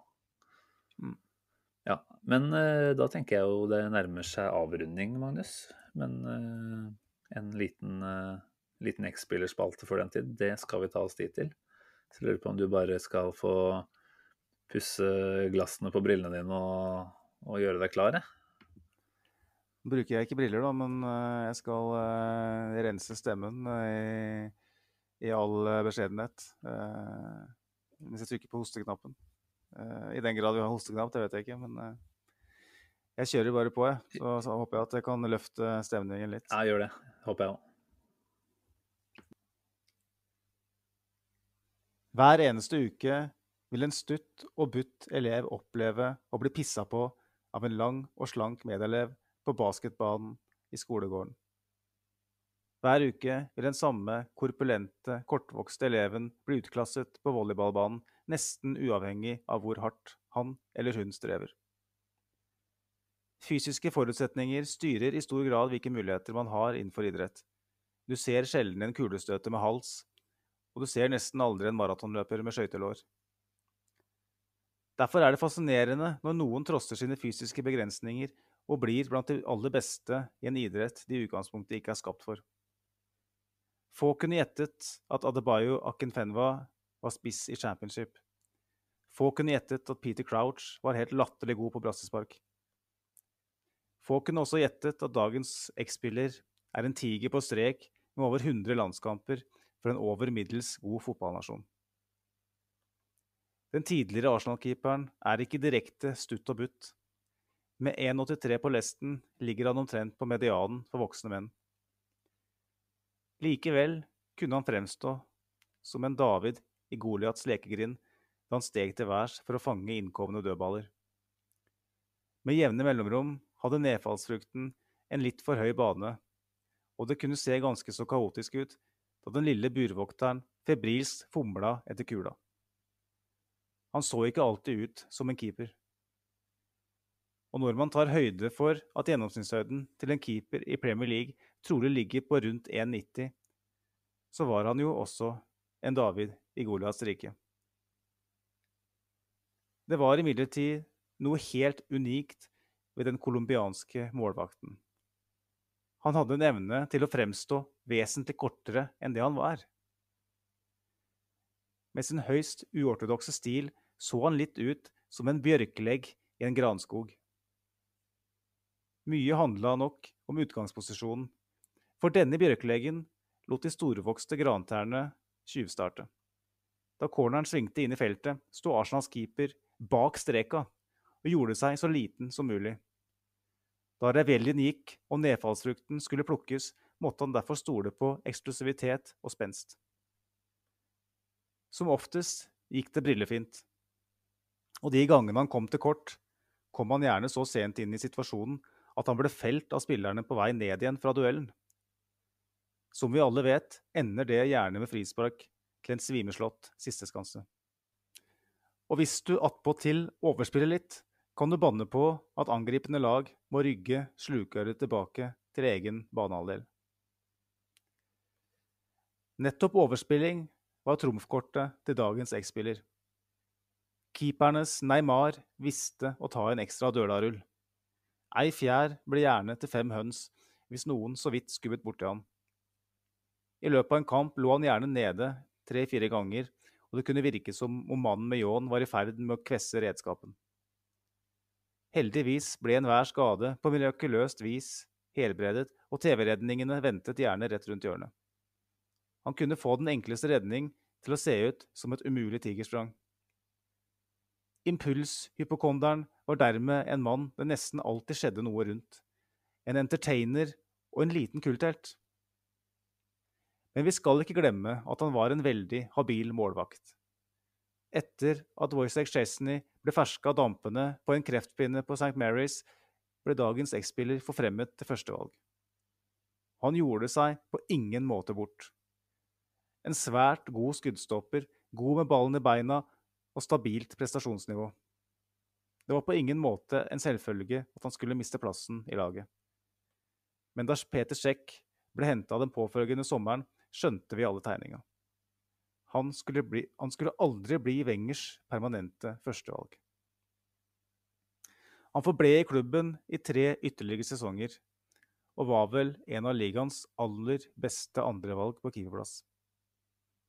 En FA Cup-finaleopptreden ble det også da Romans Rubel-gutter fikk på pukkelen i vårsola i 2017. At han søkte nye utfordringer, var lett å forstå, og han gjør sakene sine svært bra hos sin nye arbeidsgiver, Napoli. En usannsynlig karriere på det høyeste nivået fortsetter for en keeper man aldri skulle tro var en keeper. En luftens baron mot rusende murbrekkere. En entertainer på bakerste rad. Det er umulig å ikke la seg imponere av David Ospina! Der kom den! Der kom den! Jeg satt egentlig og gjorde meg klar jeg nå til å ta over eh, pinnen og, og avslutte på den eh, der, Magnus. Men eh, du kunne jo ikke unngå å avslutte med et av de kuleste sånn spillerropene vi har, må jeg kunne si. Og som vel fortsatt har blitt servert flere av keeperne etter at Ospina stakk òg. Det er jo litt lættis. Men, men det er jo en kulthelt i beste forstand, dette her, da. Ja, en god skuddstopper, men også en fyr med seigmannarmer til tider, da. Blant annet i den FA Cup-finalen du nevnte her. Det var en Det var vel det som gjorde at jeg var skeptisk i utgangspunktet. Når han slapp inn Costa sin utligning der, husker jeg. På det, det, det slappeste viset du omtrent kan tenke deg at noen armer kan fungere, da. Da tenkte jeg at nei, dette her må vi komme ordentlig bort fra. Altså Wenger som skal drive og gi FA Cup-finaler til reservekeeperen.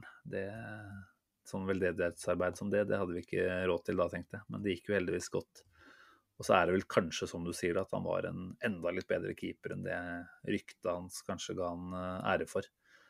For det er vel, ja, fra 2014-VM hvor han gjorde sakene sine veldig bra, og kom vel fra NIS før den tid. Eh, hadde han jo et ganske så ålreit rykte. Så er det klart at å hevde seg i feltarbeidet i Premier League på 1,83, det er ikke bare enkelt. Så, men alt, alt i alt så, så, ga han jo en del glede, da. Og jeg må jo si at det runga jo bra da, når hele Emirates dro på med Ospina der på utspillene. Ja, det var Jeg var såpass heldig å være til stede noen ganger på det, og det var, det var kult. Mm.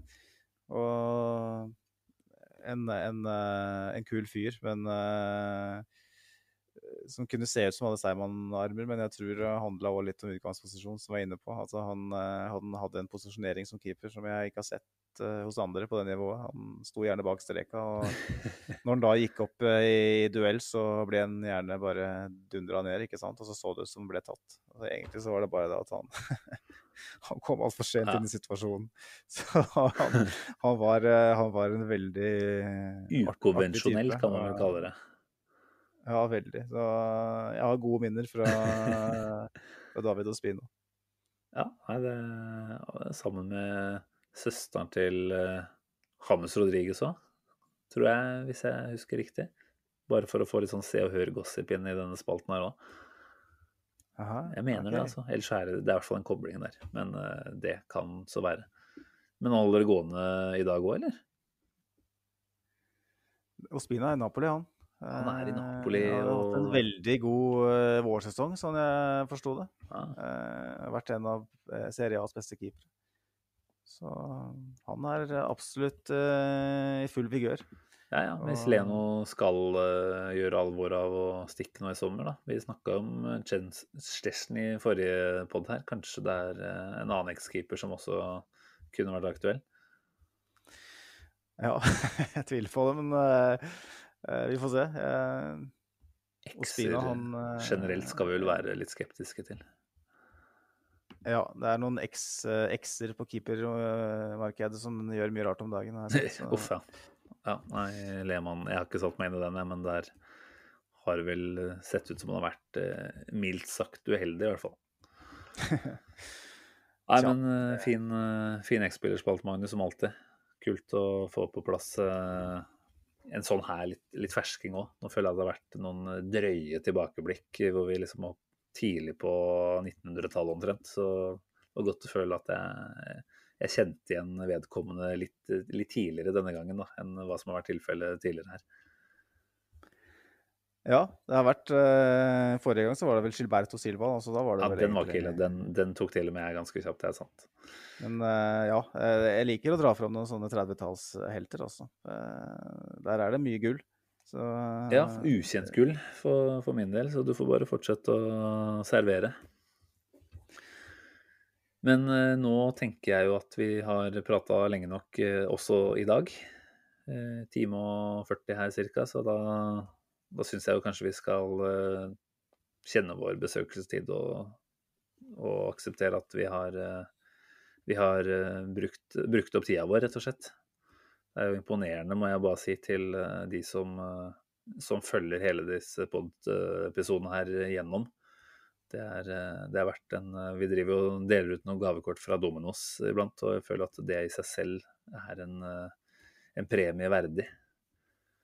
Så vi får se om vi, vi serverer noen sånne ekstra, ekstra pizzaer på slutten av, av neste pod, kanskje. Kanskje vi skal ha det som en liten gulrot her. Komme med en liten konkurranse på slutten av neste pod, Magnus. Der tror jeg vi har en plan. Det kan vi gjøre, vet du. Det kan vi gjøre. Eh, så det blir noen slices å dele ut. Jeg vet ikke når du er tilbake, Siden, Nei, det lurte jeg på. Nå er det jo midtuke fri i helga, og så er det midtuke igjen. Så jeg tenker vi, vi, vi, Kan vi ikke bare si at vi prater litt igjen når vi føler at vi har behov for det? Det er jo derfor vi har denne poden. Vi tar en, vi tar en Kamavinga-pod i løpet av uka når han er klar. Uff. Så Prate, prate litt, litt, fransk ball. Eh, kunne vært fint, det, kanskje. Ja. ja. Nei, men eh, takk for laget, Magnus. Det får være bra for i dag. Veldig hyggelig med Ja, hva skal man si, da? Ja? Få, få rensa huet litt. Sørge for at uh, man ikke er altfor ensidig i tenkinga si når det kommer til Arteta her. Det er vel, når alt kommer til alt, noe med å se realistisk på verden og se at det er ikke så åpenbare alternativer til, eh, til eh, den spanske legomannen heller. Så vi får, vi får, kanskje være fornøyd med det vi har, selv om vi også har grunn til å være kritiske. Yes. yes. Ja, nei, men eh, bra. Til alle som lytter, så sier vi bare som alltid at vi setter stor pris på om dere slenger inn en ja, et spørsmål eller et, eh, et, innspill av hva som helst eh, merke, egentlig, på Twitter eller Facebook, så skal vi ta det opp her i neste episode. Om dere har lyst til å servere oss en liten eh, like eller follow på sosiale medier òg, så setter vi pris på det. Og, ja. ja. jeg tenker vi vet å ønske god, god jul. Eh, Jesus har bursdag i dag. Eh, det blir 52 år, er det ikke det? Dennis Bergkamp. Sant. Det er jo helt krise at ikke vi ikke starta episoden med det, faktisk. Jeg beklager. Jeg skulle jo egentlig ønska deg gratulerer med dagen, tenker man. Det er vel eh, en, en, del av personen eh, Magnus Johansen som befinner seg der. Ja, jeg kommer nok til å være eh, Jeg skal sta og se til ribba nå. Se åssen ligger an. ja, nei, vi hyller Dennis på tampen her Drømmer litt om, eh, om, deilige touch og avslutninger i natt. Det tenker jeg er på sin plass.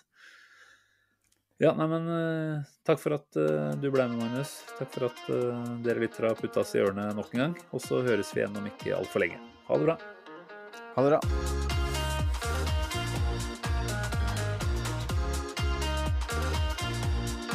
This train terminates here.